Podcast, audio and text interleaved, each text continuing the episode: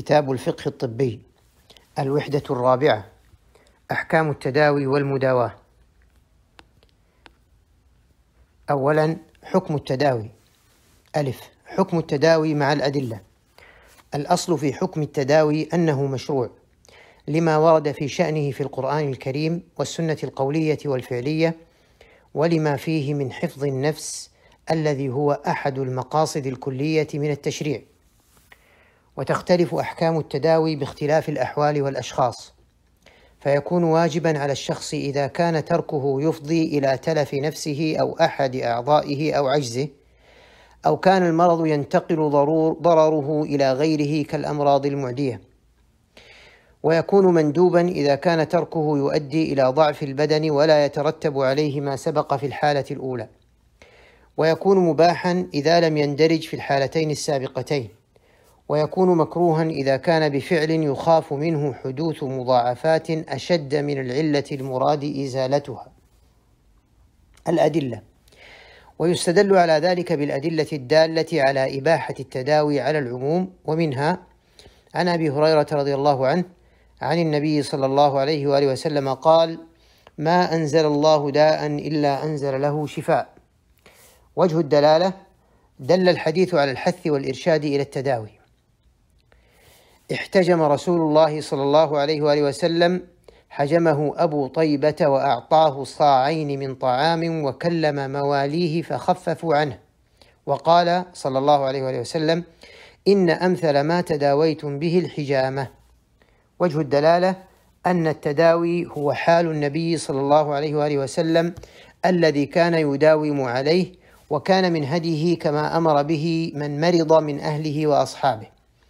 ويستدل لهذا أيضا بقواعد الشريعة العامة ومقاصدها الكلية فقد تقرر في النصوص الشرعية وجوب تحصيل المصالح وتقريرها بدفع المفاسد أو تخفيفها وأن حفظ النفس مقصد من مقاصد الشريعة ولأن من قواعد الشريعة أن الأصل في المنافع الإباحة والأصل في المضار التحريم وأن الضرر يزال. فكل ضرر يقع على نفس الإنسان ومنه المرض عليه إزالته بالطرق المشروعة. باء أولوية التداوي عند تزاحم المرضى. إذا تعدد المرضى في وقت واحد كأن يتزاحموا على ضرورة نقل عضو أو دم إليهم بينما الموجود عضو واحد أو كمية دم لا تكفي إلا لواحد منهم أو يتزاحموا على أجهزة العناية المركزة بأن تكون الأجهزة لا تكفي لإنقاذ الجميع فإنه على الطبيب المختص بحكم التجربة والممارسة وقواعد المهنة الطبية إيثار بعضهم بذلك على التفصيل التالي. إذا غلب على ظن الطبيب أن أحدهم ينتفع بالتداوي كالجهاز أو الدم أو العضو أكثر من غيره فإنه يقدم. ودليل ذلك قاعدة الموازنة بين المصالح أنه إذا تعارضت مصلحتان وازدحمتا بحيث لم يمكن لم يمكن الجمع بينهما وكان لابد من ترك واحدة منهما للإتيان بالأخرى فالمتعين فعل ما مصلحته أرجح وترك ما مصلحته أقل. إذا كانوا في الانتفاع سواء فإنه يقدم من جاء أولا ودليل تفضيل السابق منهما قول النبي صلى الله عليه وآله وسلم من سبق إلى ما لم يسبقه إليه مسلم فهو له. إذا استووا في كل شيء فإنه يلجأ حينئذ للقرعة وقد أقر جمهور الفقهاء القرعة في الجملة وعدوها أصلا تبنى عليه الأحكام الشرعية لإزاحة تهمة الميل وتطيب القلوب وبالتالي فالقرعة جائزة شرعا لقوله تعالى إذ يلقون أقلامهم أيهم يكفل مريم وقوله سبحانه فساهم فكان من المدحضين. ثالثا الجراحة الطبية. أباحت الشريعة الإسلامية تعلم الطب وتعليمه وتطبيقه لما فيه من المصالح والمنافع. ومن علم الطب الجراحة الطبية. حكم تعلم الجراحة الطبية. تعلم الجراحة الطبية وغيرها من فروع الطب هو الأصل من الفروض الواجبة على الأمة. فيجب على طائفة منها سد حاجة الأمة إلى هذه العلوم النافعة. وتحقيق هذا الواجب متوقف على التشريح الذي يمكن بواسطته فهم الأطباء للعلوم النظرية تطبيقا. فيعتبر مشروعا وواجبا من هذا الوجه. ألف أنواع الجراحة الطبية وحكم كل نوع. واحد الجراحة العلاجية. ويعتبر هذا النوع من الجراحة أهم أنواع الجراحة الطبية المشروعة وله ثلاث حالات. الحالة الأولى أن تكون الجراحة الطبية ضرورية وهي الجراحة التي يقصد منها إنقاذ المريض من الموت أو إنقاذ عضو من أعضائه كالجراحة الطبية في حالة انفجار الزائدة الدودية. ويجب على الطبيب في هذا النوع أن يجريها إنقاذا لنفس المريض حتى وإن أدت العملية الجراحية إلى تلف عضو أو قطع جزء من الأنسجة والأعضاء لأن الحفاظ على حياة الشخص بكامله أهم من أي عضو من أعضائه. والهدف من هذه الجراحة إنقاذ حياة المريض الذي يعتبر من أجل المصالح المقصودة شرعا. الحالة الثانية أن تكون الجراحة الطبية حاجية وهي الجراحة التي يقصد منها علاج الأمراض والحالات الجراحية التي لا تصل إلى درجة الخوف على المريض من الموت وتكون مشقة الألم أو خوف الضرر فيها غير يسيرة كجراحة العيون. والحكم بجواز هذا النوع من الجراحة يعتبر متفقا مع أصول الشرع وقواعده وذلك لأن الشريعة الإسلامية راعت رفع الحرج ودفع الضرر عن العباد. كما دلت على ذلك نصوص الكتاب العزيز. قال تعالى يريد الله بكم اليسر ولا يريد بكم العسر. وقد نص الفقهاء على أن المشقة تجلب التيسير وأن الحاجة تنزل منزلة الضرورة. الحالة الثالثة أن تكون الجراحة الطبية غير ضرورية ولا حاجية وهي التي يقصد بها المعالجة من الأمراض التي لم تبلغ درجة المشقة الموجودة فيها إلى مرتبة الضروريات والحاجيات ولكنها أمراض تلحق ضررا بالمريض كما في تنظيف الجروح الصغيرة وهذه الجراحة مشروعة لأن الأمراض المقصودة هنا وإن لم تبلغ مشقتها مبلغ المشقة في الحالتين السابقتين إلا أن المريض يلحقه حرج وضيق فتكون ملحقة بالحاجيات وتدخل تحت القاعدة الشرعية الضرر يزال. اثنين جراحة الكشف وهي كل جراحة تجرى للحصول على معلومات عن المرض عن المرض لا يمكن الحصول عليها بالوسائل الأخرى. ومن أمثلة ذلك الكشف عن حقيقة الأورام الموجودة في البطن وهذا النوع جائز بناء على مشروعية التداوي والإذن به مبني على الإذن بالتداوي. وذلك لأن التداوي متوقف على تشخيص المرض فيجوز فعله تحصيلا لمصلحة المداواة لأن الإذن بالشيء إذن بلوازمه. وقد تكون العمليات الجراحية في هذا النوع واجبة أو مندوبة أو جائزة بحسب حالة المريض التي استدعت إجراء عملية التشخيص ويجب ألا تجرى هذه الجراحة إلا بعد أن يستنفذ الأطباء ما في وسعهم للحصول على المعلومات الطبية بأي وسيلة أخرى هي أخف ضررا وأقل خطورة من الجراحة. ثلاثة جراحة الولادة وهي الجراحة التي يقصد منها إخراج الجنين من بطن أمه سواء كان ذلك بعد اكتمال خلقه أو قبله ولها حالتان. ألف الحالة الأولى ضرورية وهي التي يخشى فيها على الأم أو على جنينها أو عليهما معا كجراحة استخراج الجنين الحي بعد وفاة أمه. وهذا النوع من الجراحة يعتبر مشروعا وجائزا نظرا لما يشتمل عليه من إنقاذ النفس المحرمة الذي هو من أجل ما يتقرب به إلى الله عز وجل. وهو داخل في عموم قوله سبحانه ومن أحياها فكأنما أحيا الناس جميعا. ولأنه كما جاز استئصال الداء الموجب للهلاك من جسم المريض كذلك يجوز استخراج الجنين إذا كان بقاؤه موجبا لهلاك أمه بجامع دفع الضرر في كل. وكذلك شق بطن المرأة الحامل الميتة من أجل إنقاذ جنينها الحي فكما يجوز شق البطن للعلاج والتداوي كذلك يجوز شقها لإنقاذ النفس المحرمة. ولأن بقاءها في البطن بدون ذلك يعتبر ضررا محضا فتشرع إزالته بالجراحة اللازمة للقاعدة الشرعية التي تقول الضرر يزال. ومن ترك الجنين في بطن أمه عمدا حتى يموت فهو قاتل نفس. باء الحالة الثانية حاجية وهي التي يحتاج الأطباء فيها إلى فعل الجراحة بسبب تعذر الولادة الطبيعية. وترتب الأضرار عليها إلى درجة لا تصل إلى مرتبة الخوف على الجنين أو أمه من الهلاك. ومن أشهر أمثلتها الجراحة القيصرية التي يلجأ إليها الأطباء عند خوف من حصول الضرر على الأم أو الجنين أو هما معا إذا خرج المولود بالطريقة المعتادة. والحكم بالحاجة في هذا النوع من الجراحة راجع إلى تقدير الأطباء فهم الذين يحكمون بوجودها. وينبغي للطبيب أن يتقيد بشرط وجود الحاجة وأن ينظر في حالة المرأة وقدرتها على تحمل مشقة الولادة الطبيعية وينظر كذلك في الآثار المترتبة على ذلك فإن اشتملت على أضرار زائدة عن القدر المعتاد في النساء ووصلت إلى مقام يوجب الحرج والمشقة على المرأة أو غلب على ظنه أنها تتسبب في حصول ضرر للجنين فإنه حينئذ يجوز له العدول إلى الجراحة وفعلها بشرط أن لا يوجد بديل يمكن بواسطته دفع تلك الأضرار وإزالتها. أربعة جراحة الختان.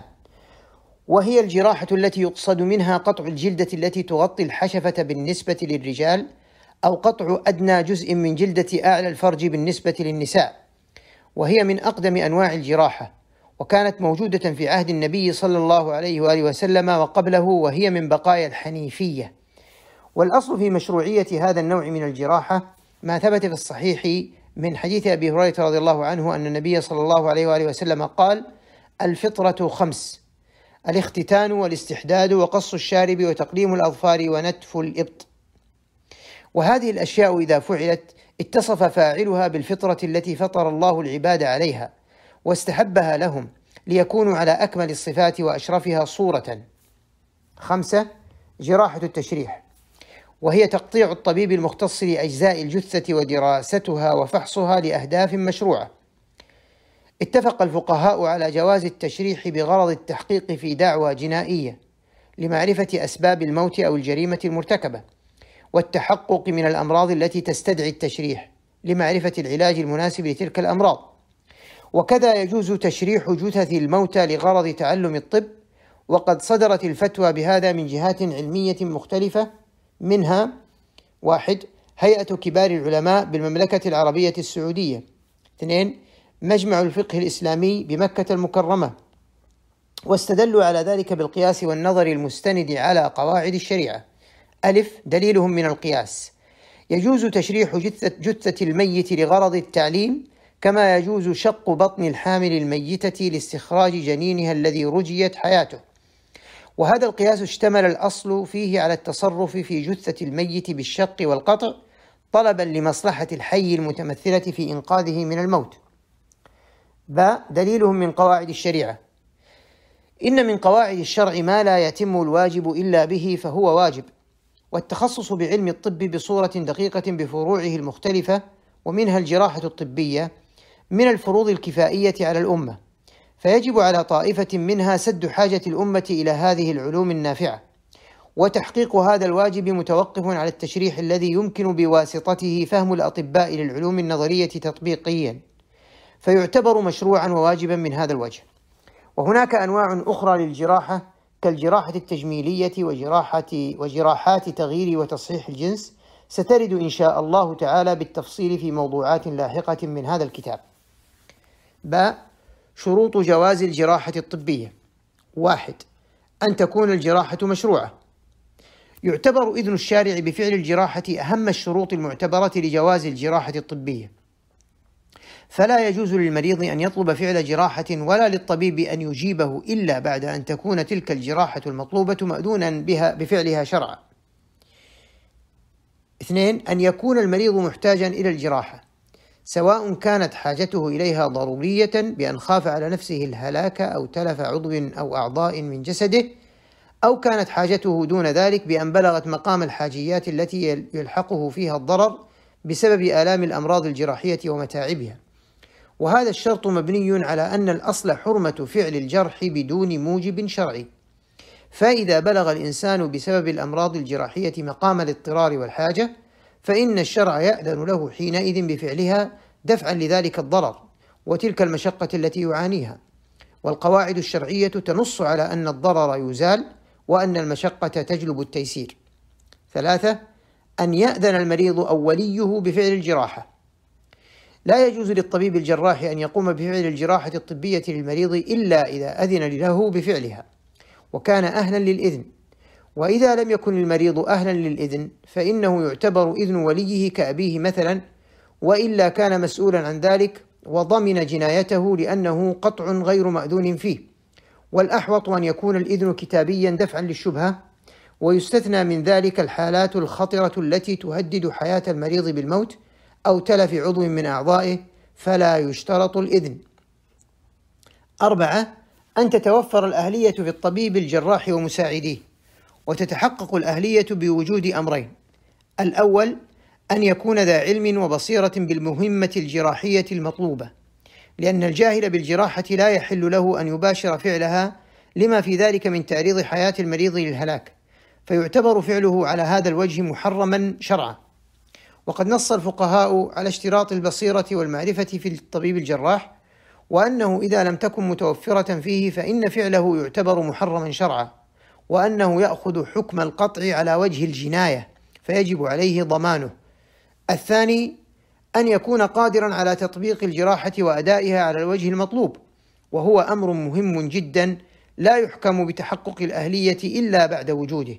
وذلك لأن العلم بالشيء غير كاف في وصف الإنسان بكونه أهلا لعمله إذا كان عاجزا عن أدائه على الوجه المطلوب. فالعلم شيء والتطبيق شيء آخر. خمسة أن يغلب على ظن على ظن الطبيب الجراح نجاح الجراحة. ومعناه أن تكون نسبة نجاح العملية ونجاة المريض من أخطارها أكبر من نسبة عدم نجاحها وهلاكه. وبناء على ذلك فإنه إذا غلب على ظنه هلاك المريض بسببها فإنه لا يجوز له فعلها لأن ضرر الجراحة في هذه الحالة أعظم من ضرر المرض. والقاعدة الشرعية تنص على أنه يختار أهون الضررين. ستة أن تترتب المصلحة على فعل الجراحة سواء كانت المصلحة ضرورية كما في الجراحة التي يقصد منها إنقاذ النفس أو كانت حاجية كما في الجراحات التي يقصد منها إعادة الأعضاء إلى حالتها الطبيعية أو كانت دون ذلك وينبغي أن تكون المصلحة معتبرة في الشرع. سبعة ألا يترتب على الجراحة ضرر أكبر من ضرر المرض، فلا يجوز فعل الجراحة المشتملة على الضرر المحض، إعمالا للقاعدة الشرعية التي تقول: لا ضرر ولا ضرار. وكذا إن اشتملت على ضرر أكبر من ضرر المرض حرم على الطبيب الجراح فعلها لما فيه من تعريض الأرواح والأجساد للضرر الأكبر. لأن الشريعة لا تجيز للإنسان أن يزيل الضرر بمثله أو بما هو أشد. ولذلك كان من قواعدها الضرر لا يزال بمثله. ويعتبر في ذلك رأي الطبيب الجراح والأطباء الاستشاريين من أجل معرفة واقع الضرر الذي يمكن حدوثه إذا أجريت العملية الجراحية. جيم آداب الجراحة الطبية. على الأطباء ومساعديهم آداب يجب عليهم مراعاتها شرعا عند الجراحة الطبية وهي واحد الصدق. قال تعالى يا أيها الذين آمنوا اتقوا الله وكونوا مع الصادقين. فيجب أن تكون أقوال الطبيب ومساعديه متفقة مع الحقيقة. ويحرم عليهم إخبار المريض بما يخالف الواقع. ويعتبر كل واحد منهم مسؤولا عن جميع الأقوال الصادرة عنه ومتحملا للأضرار المترتبة عليها إذا كذب فيها وترتب على كذبه ضرر. اثنين الوفاء بالمواعيد. وقد أثبتت السنة أن إخلاف الوعد من علامات المنافق فعلى الطبيب ومساعديه ألا يواعدوا المرضى إلا بعد تحققهم أو غلبة ظنهم بالوفاء بالوعد. ثلاثة الوفاء بالعقود. قال تعالى يا أيها الذين آمنوا أوفوا بالعقود. فيجب على الطبيب ومساعديه الالتزام بالعقود المبرمة مع المريض ويأثمون ويتحملون المسؤولية الناتجة عن امتناعهم إذا امتنعوا دون عذر شرعي. أربعة النصيحة للمرضى. وهذا من حقوق المسلم على أخيه. فعلى الأطباء ومساعديهم القيام بواجب النصح للمرضى. فيشير عليهم باختيار الأصلح والأخف باختيار الأصلح والأخف ضررا سواء كان ذلك في الفحص الطبي أم الجراحة. ولو كان في سبيل فوات مصلحة دنيوية لهم فما عند الله خير وأبقى. ومن صور النصح إذا علم أن الفحص بوسائل لا توجد عنده وتوجد عند غيره وتتحقق بها المصلحة فعليه أن ينصحه بالذهاب إلى الغير. إذا علم الطبيب بالبديل الذي يمكن علاج المريض به وهو أخف ضررا من الجراحة فإن عليه أن يخبر المريض بذلك. خمسة الإخلاص وإتقان العمل. فعلى الطبيب أن يكون مخلصا في عمله محافظا على حقوق الناس ببذل جهده في إتقان العمل. ستة المشاورة. فيستشير الجراح غيره من الأطباء في الأمور التي يساوره فيها شك ويناقش معهم الحالة للوصول إلى غلبة الرأي في جدوى إجراء الجراحة أو عدمها. وقد أمر الله نبيه صلى الله عليه وآله وسلم بمشاورة أصحابه تمهيدا لسنة المشاورة في الأمة. قال تعالى وأمرهم شورى بينهم. سبعة مراعاة الضوابط الشرعية المتعلقة بالعورة والخلوة. بأن تكون ثياب المريض ساترة لعورته ولا يكشف من جسمه إلا ما تدعو الضرورة إلى كشفه. ثامنا الالتزام بأسرار المهنة. يلتزم الجراح بأسرار المهنة وقيمها الأخلاقية التي أقرها الإسلام. فلا تؤثر الدنيا وشهواتها على أمانته ولا تشترى ذمته ولو كان المطلوب منه أمرا يسيرا مثل تقديم تقرير طبي غير صحيح. تسعة الالتزام بالأنظمة. أن يلتزم بالقوانين والأنظمة واللوائح التي تصدر من السلطات المختصة والتي تنظم العلاقات والضوابط الصحية العامة والخاصة. لأن ذلك يدخل في الطاعة الواجبة لولي الأمر ما دام لا يتعارض مع نص من نصوص الشريعة. ثالثا حكم التخدير. الأصل في التخدير ألف. التخدير في الأصل حرام شرعا لأنه يعطل العقل الذي يعد أعظم نعم الله على الإنسان وهو مناط التكليف. فيجب حمايته من كل ما يكون سببا في زواله وإفساده مع الأضرار الأخرى للمخدر. قياسا على الخمر ولحديث النهي عن كل مفتر ولكنه يجوز للتداوي للضرورة. باء حالات التخدير في الجراحات الطبية. الحاجة إلى التخدير في الجراحة الطبية لا تخلو من ثلاث حالات. الحالة الأولى أن تصل إلى مقام الضرورة وهي الحالة التي يستحيل فيها إجراء الجراحة الطبية بدون تخدير كما في جراحة القلب المفتوح ونحوها من أنواع الجراحة الخطيرة. والتي إذا لم يخدر فيها المريض فإنه سيموت في أثناء الجراحة أو بعدها بقليل. الحالة الثانية أن تصل إلى مقام الحاجة وهي الحالة التي لا يستحيل فيها إجراء الجراحة الطبية بدون تخدير ولكن المريض يلقى فيها مشقة فادحة لا تصل به إلى درجة الموت والهلاك وهي الحالة المتوسطة ومن أمثلتها جراحة بتر الأعضاء. الحالة الثالثة وهي التي لا تصل إلى مقام الضرورة والحاجة حيث يمكن فيها إجراء الجراحة الطبية دون أن يخدر الشخص المريض. ويلقى فيها بعض الآلام البسيطة التي يمكنه الصبر عليها دون أن تلحق به مشقة فادحة في الغالب. ومن أمثلتها قلع السن في بعض حالاته. وتقدير ذلك وضبطه أمر يرجع إلى الطبيب نفسه فهو الذي يمكن تطبيق هذه الحالات على أنواع الجراحة لاختلاف المرضى ونوعية الجراحة اللازمة لهم وإذا تبين وجود الحاجة الداعية إلى التخدير الجراحي فإنه يمكن القول بجواز فعله سدا لتلك الحاجة فما كان منها بالغا مبلغ الاضطرار يعتبر جوازه بناء على القاعدة الشرعية التي تقول الضرورات تبيح المحظورات وما كان منها بالغا مبلغ مبلغ الحاجة يعتبر جوازه بناء على القاعدة الشرعية التي تقول الحاجة تنزل منزلة الضرورة عامة كانت أو خاصة وما كان منها دون مقام الحاجة يرخص في اليسير من المخدر. ومن خلال ما تقدم يتبين أن التخدير الجراحي يعتبر مستثنى من الأصل الموجب لحرمة المواد المخدرة الموجودة فيه وأن هذا الاستثناء مبني على وجود الحاجة الداعية إلى التخدير.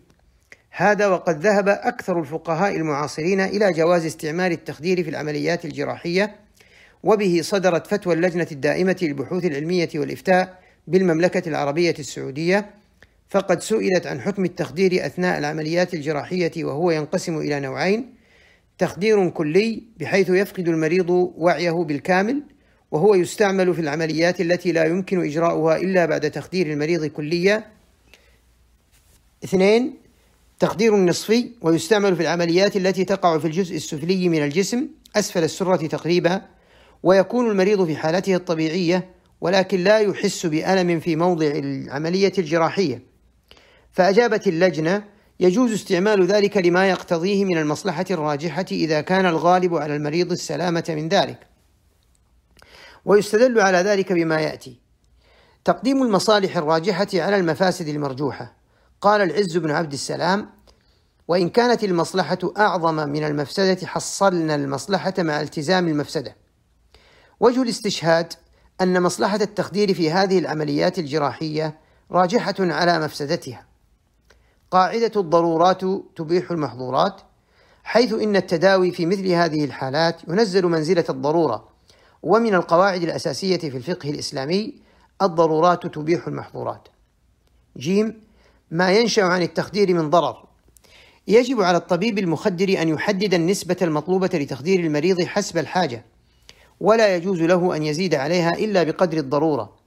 فإذا كانت الجراحة الطبية من النوع الذي يمكن إجراؤه بتخدير المريض تخديرا موضعيا فإنه لا يجوز له أن يعدل إلى تخديره تخديرا كليا إلا إذا وجدت الضرورة الداعية إلى ذلك لأن تحمل الأشخاص للمواد المخدرة الموضعية يختلف من شخص لآخر.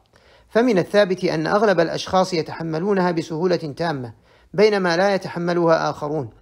لذلك يجب أن لا تستعمل هذه الأدوية السامة اعتباطا ودون تمييز بل يجب التأكد من درجة تحسس المرضى منها قبل حقنها كما أنه لا يجوز للطبيب المخدر أن يختار طريقة أشد ضررا من غيرها متى ما أمكن التخدير بالطريقة التي هي أقل منها ضررا وأكثر أمانة لما في تقديم الطريقة المضرة من تعريض المريض لعواقبها السيئة دون حاجة موجبة لذلك. رابعا أحكام الأمراض المعدية والوبائية. الأصل عدم جواز المعالجة للمريض إلا بإذنه أو إذن وليه عند الحاجة. ويستثنى من ذلك الحالات الخطرة التي لا يمكن فيها أخذ إذن المريض ولا وليه وكذلك حالات الأمراض المعدية فلا بد من علاجها ولو بغير إذن المريض كالجذام. ويجب العلاج في حالات الأمراض المعدية ولولي الأمر الإلزام بالتداوي إذا امتنع المريض عن ذلك ودليل الوجوب أن عدم التداوي في مثل هذه الحالات التي يتوفر دواؤها هو نوع من الإلقاء بالنفس إلى التهلكة وهو أمر منهي عنه. قال تعالى ولا تلقوا بأيديكم إلى التهلكة. أن الضرر سيتعدى إلى الآخرين من الأهل والمحيطين بالمريض كما يمكن أن يتعدى الضرر إلى المجتمع بأسره. وقد ورد النهي الصريح عن الإضرار بالمسلمين في قوله صلى الله عليه وسلم لا ضرر ولا ضرار. أن تمريضه سيشق على أهله. أو من يقوم بتمريضه وتلبية حاجته. ألف الأحاديث الواردة في الأمراض المعدية والوبائية والجمع بينها الموقف الشرعي. وردت بعض الأحاديث التي تنفي انتقال العدوى مثل قول النبي صلى الله عليه وسلم لا عدوى ولا طيرة ولا هامة ولا صفر وأحاديث أخرى تثبت انتقال العدوى وتحذر من الاقتراب من المريض كقول النبي صلى الله عليه وآله وسلم لا يورد ممرض على مصح. وقوله صلى الله عليه وآله وسلم فر من المجذوم فرارك من الأسد. ولتوضيح ذلك نقول العدوى ثابتة بالطب لجملة من الأمراض. وما ثبت في الطب يقينا لا يتصور أن يوجد في الشرع ما يعارضه كما أن ما جاء به الشرع من الأمور القطعية لا يتصور أن يوجد ما يكذبها في أي علم من العلوم. لذا فلا تعارض بين, الح... بين هذه الأحاديث بل قال جمهور العلماء يجب الجمع بينها وطريق الجمع أن حديث لا عدوى ولا طيرة المراد به نفي ما كانت الجاهلية تزعمه وتعتقده أن المرض والعاهة تعدي بطبعها لا بفعل الله تعالى. وأما حديث لا يورد ممرض على مصح وفر من المجذوم كما تفر من الأسد فأرشد فيهما إلى مجانبة ما يحصل الضرر عنده في العادة بفعل الله تعالى وقدره. فنفى في الحديث الأول العدوى بطبعها ولم ينفي حصول الضرر عند ذلك بقدر الله تعالى وفعله. وأرشد في الثاني والثالث إلى الاحتراز مما يحصل عنده الضرر بفعل الله وإرادته وقدره. باء وسائل الوقاية من المرض من المرض المعدي وحكمها. واحد التحصين. التطعيم. يجوز التداوي بالتطعيم إذا خشي وقوع الداء لوجود وباء أو أسباب أخرى يخشى من وقوع الداء بسببها فلا بأس بتعاطي الدواء لدفع البلاء الذي يخشى منه. لقول النبي صلى الله عليه وآله وسلم من تصبح بسبع تمرات عجوة لم يضره ذلك اليوم سم ولا سحر. وجه الدلالة الحديث ظاهر الدلالة على مشروعية اتخاذ الأسباب التي يحصل بها بإذن الله السلامة من الأمراض قبل وقوعها. وعن عائشة رضي الله عنها قالت كان رسول الله صلى الله عليه وآله وسلم إذا أوى إلى فراشه نفث في كفيه بقل هو الله أحد وبالمعوذتين جميعا ثم يمسح بهما وجهه وما بلغت يداه من جسده فلما اشتكى كان يأمرني أن أفعل ذلك به. في الحديث دليل على جواز الاسترقاء للصحيح لما عساه يخشاه من هوام الليل وغير ذلك مما يسترقى له. وهو أيضا من باب الدفاع كما يعالج المرض النازل كما يعالج المرض النازل بالدواء يعالج أيضا المرض الذي يخشى منه. وإذا حدث ضرر لمن يتناول بعض التطعيمات من مثل إصابة المتناول لها بالحمى وبعض الأعراض الوقتية فإن مثل هذه مثل هذا الضرر مغتفر ومتجاوز عنه في مقابل المفسدة الكبيرة التي تندفع. وقاعدة الشريعة العامة في هذا أن أدنى المفسدتين يرتكب من أجل دفع أعلاهما إذا كان لا بد من موافقة إحداهما. أما إذا ثبت بالطب أن تطعيمات معينة تحدث ضررا بجسم الإنسان أو أن نسبة تأثيراتها الضارة أكثر من نسبة ما تدفعه من الأمراض فلا يجوز استعمالها حينئذ لقول النبي صلى الله عليه وسلم لا ضرر ولا ضرار اثنين الحجر الصحي. من أهم وسائل مقاومة انتشار الأمراض الوبائية وهو منع انتقال الناس إلى مكان فيه الوباء وعدم خروج من كانوا في مكان الوباء إلى غيره. وفي الصحيحين أن النبي صلى الله عليه وسلم قال إذا سمعتم بالطاعون بأرض فلا تقدموا عليه وإذا وقع بأرض وأنتم فيها فلا تخرجوا فرارا منه. ولولي الأمر أن يعزل المريض قهرا عنه في مستشفيات خاصة لذلك حتى لا يضر غيره. وقد توصل العلماء في الطب الحديث إلى أن حصر المرض في مكان محدود يتحقق بإذن الله بمنع الخروج من الأرض الموبوءة. وهذا أمير المؤمنين عمر بن الخطاب رضي الله عنه عندما ظهر الطاعون في الشام أثناء خلافته أمر كل أهل بلد حلوا به ألا يخرج منه أحد وألا يدخل إليه أحد استنادا لحديث النبي صلى الله عليه وسلم في الطاعون فطبق رضي الله عنه الحجر الصحي من قبل أكثر من 1400 سنة. خامسا حكم المداواة بين الجنسين. ألف حكم مداواة الرجل للمرأة. الأصل عدم جواز مداواة الرجل للمرأة إلا لضرورة فيباح للرجل مداواة المرأة أو معالجتها أو نحو ذلك من الأعمال الطبية وله أن ينظر منها ما تدعو الحاجة إلى النظر إليه من بدنها وله أن يمس ما تدعو الحاجة إلى مسه من بدنها عند إجراء ذلك بشرط الضرورة الشديدة الداعية إلى النظر أو المس ومما استدل به على جواز مداواة الرجل للمرأة عند الضرورة النصوص العامة التي جاءت برفع الحرج عن الأمة كقوله تعالى وما جعل عليكم في الدين من حرج. القواعد العامة ومنها الضرورات تبيح المحظورات.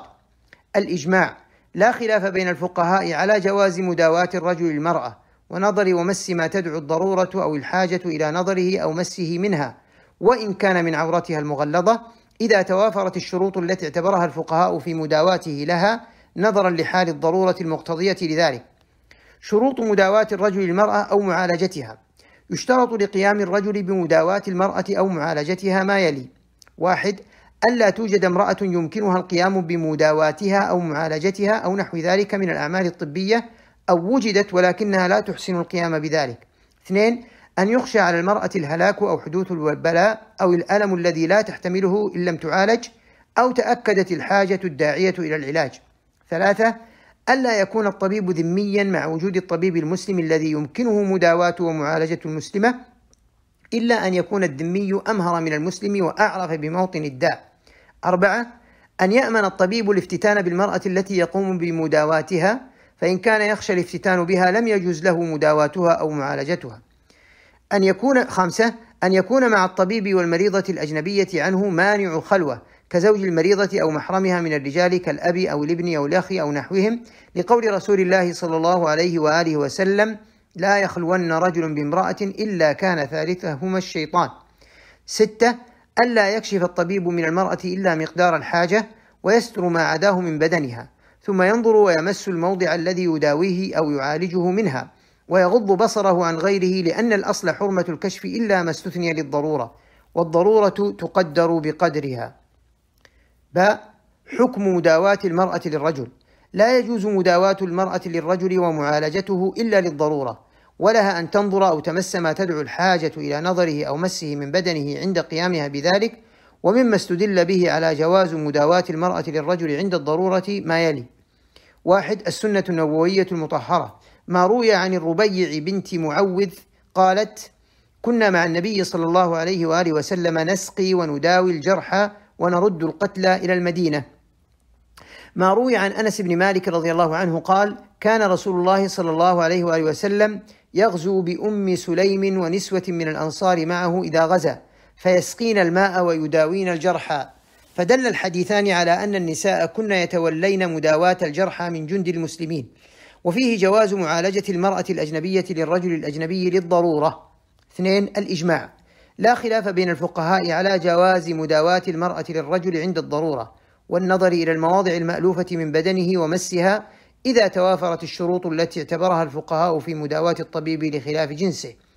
ويشترط في هذا الأمر الشروط التي اعتبرها الفقهاء في مداواة الرجل للمرأة مع اختلاف العبارة تبعا لجنس الطبيب والمريض.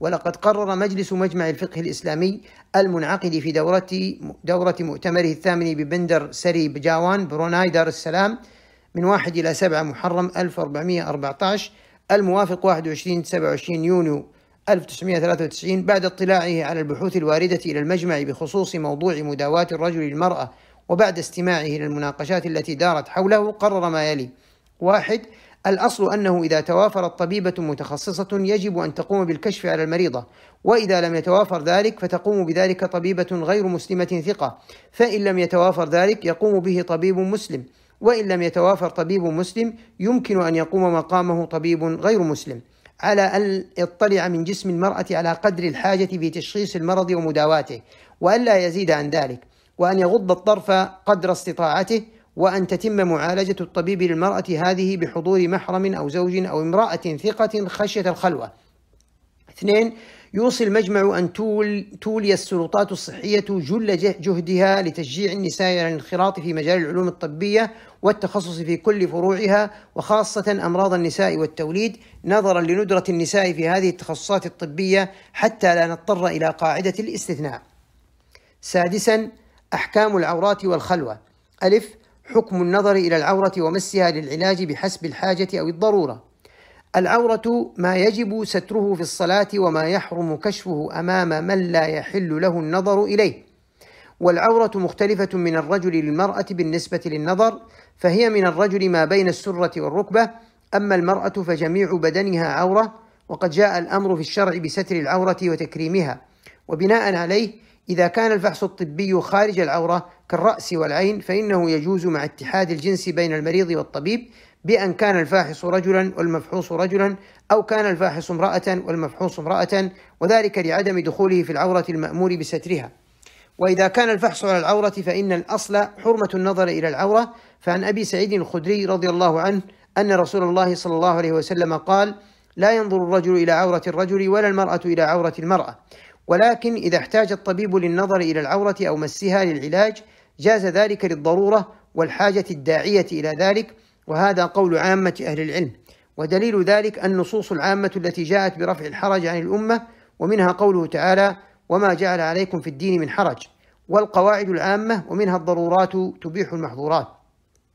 ولأنه إذا كان التداوي مشروعا فإن ما يحتاجه الطبيب من النظر واللمس لأجل العلاج يكون مباحا لكونه وسيلة لأمر مشروع والوسائل لها أحكام المقاصد والغايات. قال السرخسي إذا جاء العذر فلا بأس بالنظر إلى العورة لأجل الضرورة وهذا الجواز لا بد فيه من مراعاة بعض بعض الأمور ومنها وهي عدم تجاوز الموضع اللازم للكشف واللمس فيقتصر على الموضع الذي تدعو الحاجة إلى النظر إليه أو لمسه فقط لأن الضرورة تقدر بقدرها فإذا جاز النظر والكشف واللمس وغيرها من دواعي العلاج لدفع الضرورة والحاجة القوية فإنه يقتصر على موضع الضرورة. قال العز بن عبد السلام وإذا وقف الطبيب على الداء فلا يحل له النظر بعد ذلك لأنه لا حاجة إليه لذلك لأن ما أحل لضرورة أو حاجة يقدر بقدرها ويزول ويزول بزوالها. إذا كان وصف المريض إذا كان وصف المرض كافيا فلا يجوز الكشف وإن وإذا أمكن معاينة موضع المرض بالنظر فقط فلا يجوز اللمس وإذا كان يكفي اللمس بحائل فلا يجوز اللمس بغير حائل وهكذا. باء حكم الخلوة بين الطبيب والمريضة الممرضة بحسب الحاجة أو الضرورة.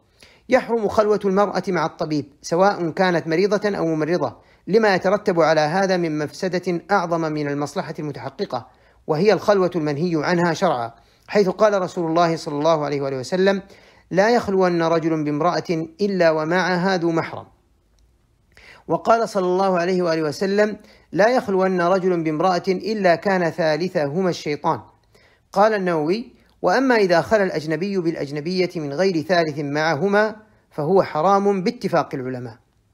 وبناء على هذا فإن المفسدة المترتبة على خلوة الطبيب بالممرضة أعظم من المصلحة المترتبة على ذلك مع إمكان قيام الرجال بمهمة التمريض في هذه الحالة.